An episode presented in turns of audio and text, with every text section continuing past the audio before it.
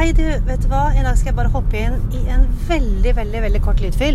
Men jeg har lyst til å gjøre det fordi jeg hadde noe på hjertet. Jeg vet ikke om du kjenner det igjen, men eh, jeg har en følelse at eh, jeg ikke er alene om den derre 'når bare'.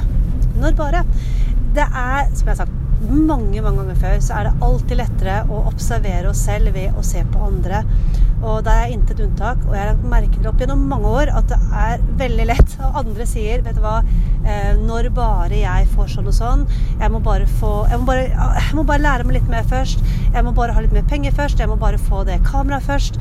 Eh, jeg må bare bli kjent med den, den personen først. Jeg må bare få ditt. Jeg må bare få datt. Og så ender den der gode ideen opp i intet. Eller det brukes enormt mye tid på masse sånn røring i bakgrunnen, mens de stegene som faktisk ville fått prosjektet til å bevege seg framover, blir ikke gjort. Fordi du går og venter på når bare. Og som jeg sa, der er jo ikke noe unntak, for jeg, jeg kjenner det igjen. Det har altså hatt mine si, ideer opp igjennom hvor jeg tenker at eh, jeg må bare vente litt til jeg har mer tid. Jeg må bare vente litt til jeg eh, rett og slett kjenner noen andre mennesker som kanskje kan mer om det her enn meg. Jeg må bare vente til jeg har de pengene. Jeg må bare vente til. Men jeg vet også hva det vil si å faktisk bare gjøre. Så denne lille lydfilen er mest av alt ment som en inspirasjon til det. Fordi jeg har kjent på kroppen og sett hva som skjer når jeg bare har gjort, istedenfor å vente på det såkalte riktige tidspunktet. Og jeg kan ta ett eksempel, eller jeg skal ta flere, men jeg kan gå tilbake i tid. Hvor eh, jeg hadde akkurat fått uh, tredjemann, så han var bare en liten baby.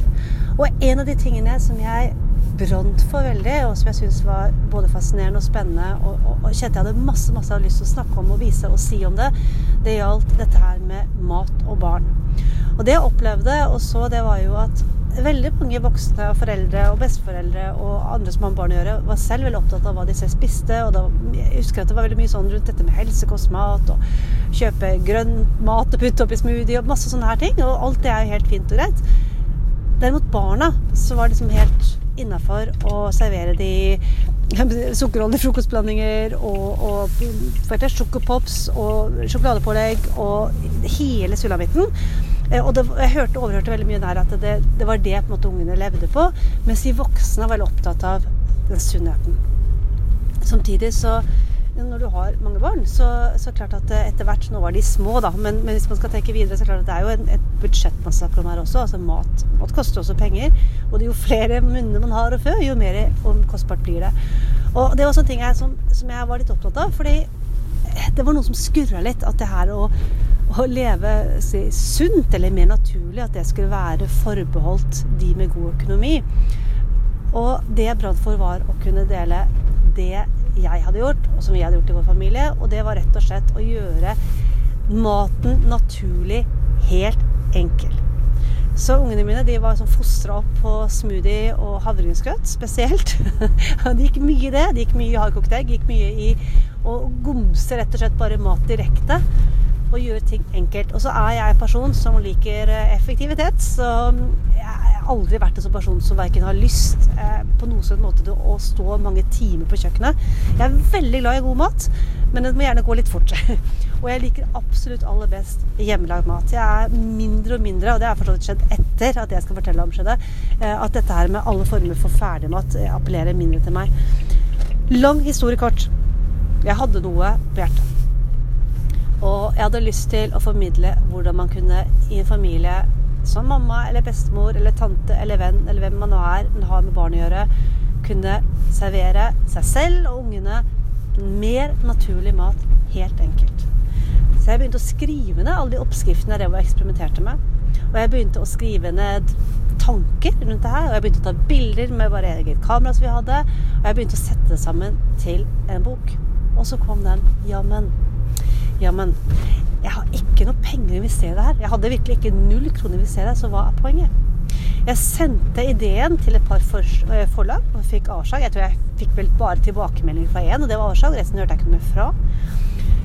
Og så var det disse tankene som gikk at jeg hadde jo ikke noen utdannelse. Jeg hadde ingen profesjon innenfor ernæring. Jeg hadde kun meg selv og min egen erfaring og min egen lidenskap. That's it. Ikke spesielt god i rettskriving heller. Tvert imot. Um, så det var jo også en utfordring. Jeg kunne ingenting annet om fotograferingen annet enn det hobbyen man gjør selv når man driver og tar bilder. Det var det. Og så satt jeg der og skulle lage bok. Og jeg lover deg, jeg var på dippen til å bare droppe hele ideen flere ganger. Fordi jeg tenkte jeg kan ikke nok ennå. Jeg må bare ta en utdannelse i det her først. Jeg må bare vente til jeg har masse penger, så jeg kan på en eller annen måte gjøre det her enda mer profesjonelt. Jeg må vente til det er et eller annet forlag som napper på ideen min. Og jeg lover deg, hadde jeg gjort det, hadde jeg fulgt de tankene, så hadde Enkel naturlig-boken aldri blitt noe av. Aldri. Men isteden så bare gjorde jeg bare fortsatte å ta bilder, jeg fortsatte å skrive, jeg fortsatte å putte det inn eh, i et program som gjorde at det sakte, men sikkert ble et manus. Et helt ferdig manus. Og så fant jeg et trykkeri, og så trykket jeg boken, og så startet jeg selv den. Og hele den lange historien jeg ville med det her, er rett og slett at når bare Når bare alt er så perfekt, vet du, at eh, alt bare flyter, da Det blir aldri det. Det perfekte tidspunktet, det er akkurat nå. Det perfekte tidspunktet er i det øyeblikket du kjenner at nå vil jeg gjøre noe. Nå vil jeg skrive den bloggen. Nå vil jeg ta de bildene. Nå vil jeg ringe den personen. Det er det perfekte tidspunktet. Det er da du har vinduet ditt. Akkurat da. Så om du hører denne historien, og du trenger ikke å mene en ting verken mat eller barn eller boktrykking eller noe som helst Poenget med historien var rett og slett at ikke vent. Ikke vent. Det perfekte tidspunktet, det er akkurat her og nå.